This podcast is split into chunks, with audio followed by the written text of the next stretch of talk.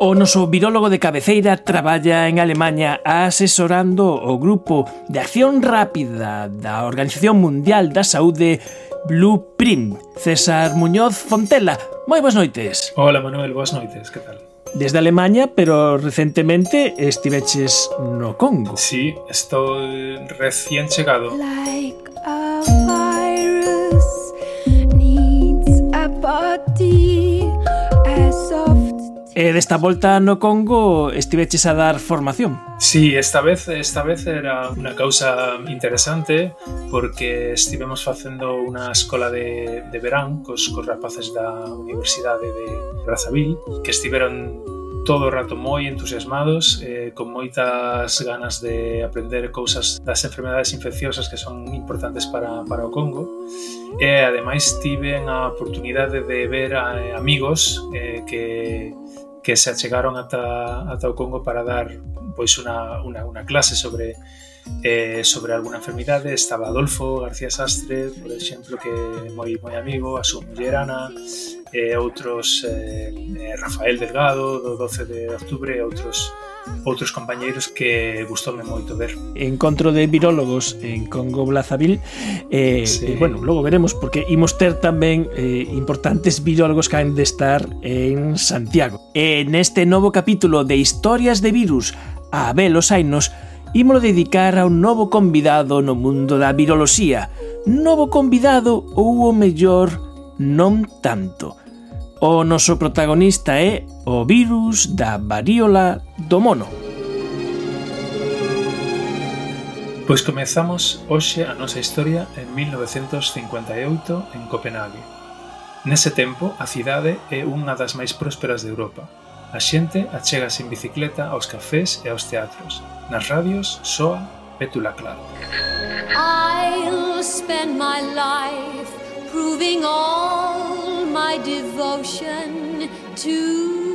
É unha época de éxito no campo das vacinas. A batalla contra a poliomelite está máis preto de gañarse, e en moitos laboratorios farmacéuticos úsanse células de mono asiático para producir a vacina. Porén, nun destes laboratorios farmacéuticos chamado Statens Serum Institute, uns monos asiáticos están a enfermar. Os monos teñen febre, letarxa e presentan pústulas nas mucosas e na pel. Sexa como for, parécese moito a unha das enfermidades humanas máis temibles da época, a varíola.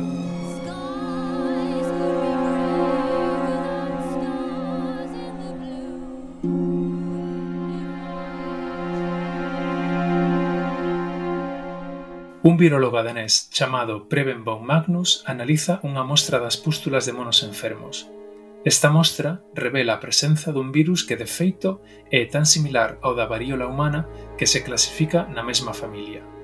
É o descubrimento do virus da varíola dos monos.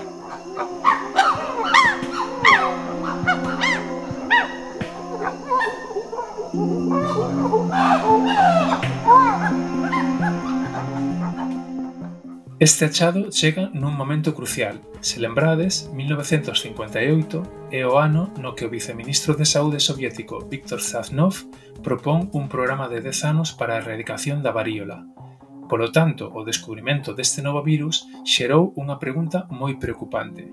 Será posible que os monos tamén se infecten coa varíola humana? Se é así, a campaña de erradicación da OMS pode ser un obxectivo imposible, non si? Sí?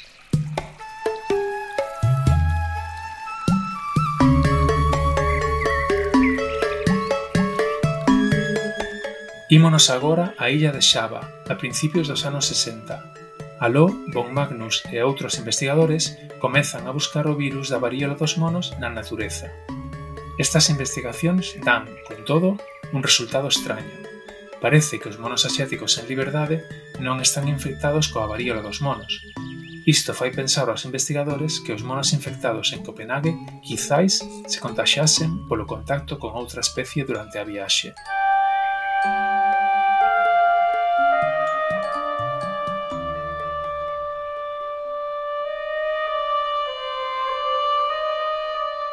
9 de decembro de 1964, o director do zoolóxico de Rotterdam está contento.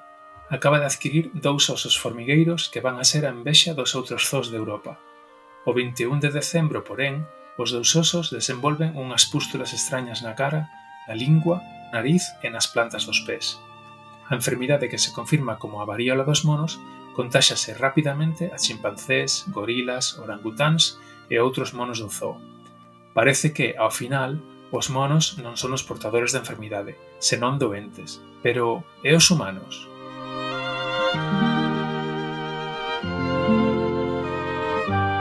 Imos agora a Zaire en 1970. Se lembrades, estamos nun sitio e nun momento clave para as nosas historias de virus.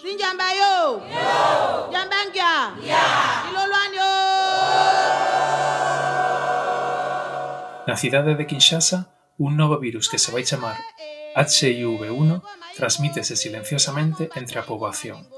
É o comezo xilandeiro do que será unha pandemia mundial.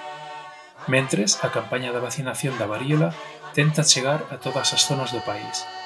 Un mozo médico estadounidense chamado Joel Brennan descobre o primeiro caso humano de varíola dos monos, nun neno de nove meses. O diagnóstico confirma que se trata do mesmo virus atopado no zoo de Rotterdam. Curiosamente, Breman vai formar parte do equipo que seis anos despois tamén vai atoparse cun virus novo en Zaire, o virus de ébola.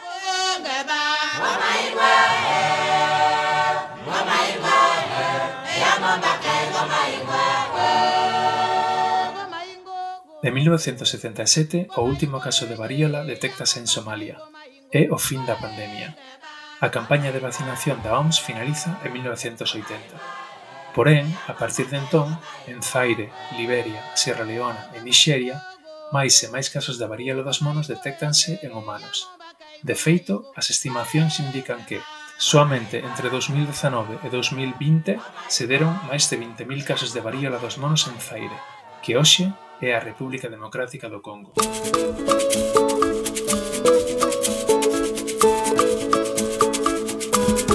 E que sabemos na actualidade da varíola do mono?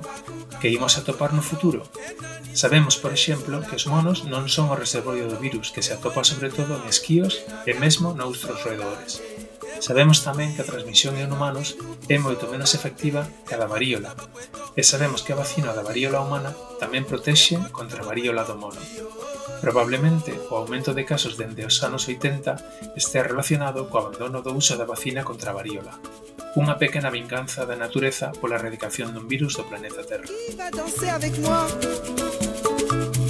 C'est toi qui choisis. Oui, mais qui va danser avec moi Ao final, a nosa historia é a mesma, é a historia de novos virus que xorden debido ás actividades humanas, a deforestación que aumenta o contacto de humanos con animais exóticos, a superpoboación que fai que convertamos selva tropical en cultivos co consecuente aumento de roedores, ao cambio climático que afecta a distribución dos mosquitos e a migración dos morcegos.